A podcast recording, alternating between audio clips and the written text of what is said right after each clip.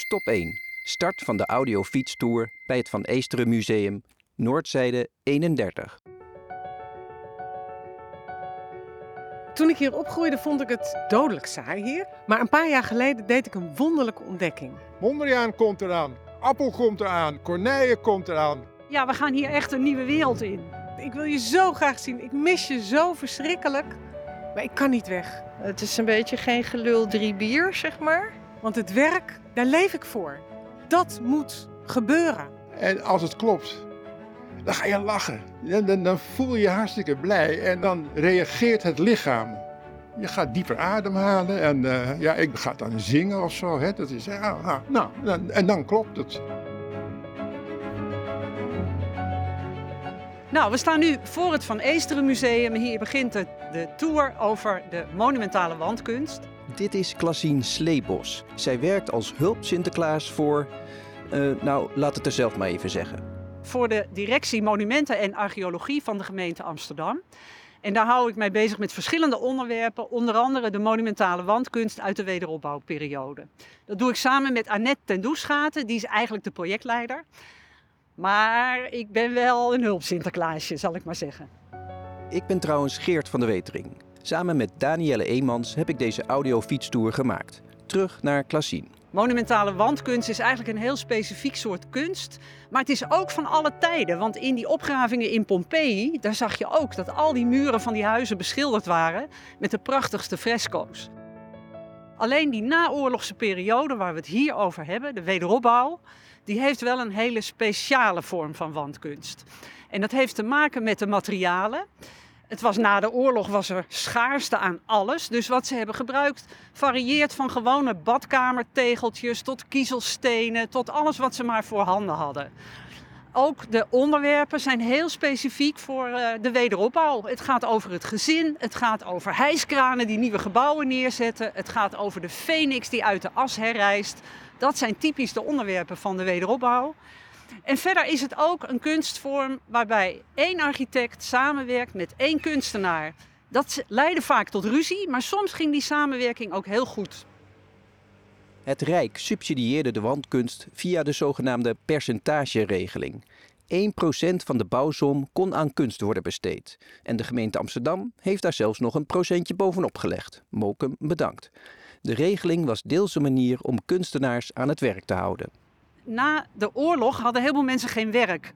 En dit was een manier om kunstenaars aan opdrachten te helpen. En dat gold vooral voor Amsterdam. Maar het belangrijkste is natuurlijk omgekeerd. Dat is dat dit werden allemaal arbeiderswijken. Toen heette dat nog arbeiders. En men ging ervan uit dat Jan de Arbeider niet zomaar naar het museum zou gaan. Dus de kunst werd naar de mensen gebracht in plaats van de mensen naar het museum. Kunst moest dicht bij het volk, het volk, de arbeider. En dat kwam dus in de portieken van scholen, het kwam in de kerk, het kwam in de portieken van woningen, zodat iedereen kennis kon maken met kunst. Dat was de achtergrond van die percentageregeling. Omdat de laatste jaren veel gebouwen uit de wederopbouwperiode worden gesloopt, mensen vinden ze niet mooi of ze voldoen niet meer aan de moderne woonwensen, hoe dan ook, met die sloop gaat veel kunst verloren. Samen met collega's heeft Klassien een inventarisatie gemaakt van de nog overgebleven wandkunstwerken in de hoofdstad. We hebben nog ongeveer 250 van dit soort kunstwerken in Amsterdam. En die zitten door de hele stad. Dat zijn ook wederopbouwkunstwerken die gemaakt zijn in oudere gebouwen. Eh, Bijvoorbeeld in het oude stadhuis zit een wandschildering van Karel Appel, om maar eens wat te noemen. Maar heel veel zit hier in de wijk Slotermeer, omdat die in de jaren 50 werd die gebouwd. En toen was het echt goed op gang gekomen. Dus bijna ieder gebouw heeft wel een, ja, ieder openbaar gebouw of groter gebouw heeft wel een wandkunstwerk. Op een terrein aan de westelijke stadsrand is deze dagen de eerste paal geheid voor de eerste woningcomplexen van de tuinstad Slotermeer. Minister in het veld verrichtte deze plechtigheid. Binnen enkele jaren hoopt men hier 10.000 nieuwe woningen te hebben. En dat is dan nog maar een begin. Langzaam maar zeker groeit Amsterdam naar het westen. We zitten in eh, de wijk Slotermeer, onderdeel van het zogenaamde Algemeen Uitbreidingsplan van Amsterdam. Dat is in de jaren 30 al gemaakt door Cornelis van Eesteren. En Cornelis van Eesteren, hij wilde dat er fatsoenlijke huizen waren. Goede huizen, hygiënisch. Eh, met frisse lucht, met daglicht. Dit is Susanna Jansen. Zij groeide hier in de buurt op. Waarover in een latere stop meer. Dat er genoeg groen was tussen de huizen. Waar je naartoe kon gaan om te ontspannen. Of door het groen op de fiets naar je werk kon gaan. Als vader in die tijd. Een nieuwe woonplaats voor ongeveer 45.000 mensen. Veel groen en open ruimte zullen deze wijk tot een ware tuinstad maken. Achter het idee van betere arbeiderswoningen en betere omgeving voor mensen om in te wonen, was dat de mens zich zou verbeteren. Nou, een van de eh, dingen was om wonen en recreatie zo dicht mogelijk bij elkaar te brengen. En daarom is een oude polder, de Sloterpolder, is weer tot Sloterplas gemaakt, zodat eh, waterrecreatie ook dichtbij in de buurt was. Ehm, kijk, je moet je voorstellen, mensen hadden heel weinig geld. Ze zaten hier in een huis. Ze kwamen vanuit de centrale stad, uit- misschien uit een kelderwoning. Uit, ze zaten bij, eh, bij moeder op zolder. En na de oorlog kregen ze allemaal, gingen trouwen, kregen allemaal een baby. En binnenkort de tweede. Dus ze zaten allemaal op zolder. Ze waren hartstikke blij om hier een kleine woning te kunnen krijgen, begin jaren 50.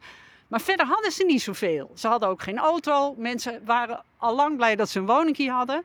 En die gingen dus vooral in het weekend op de fiets en lopend naar recreatie in de buurt.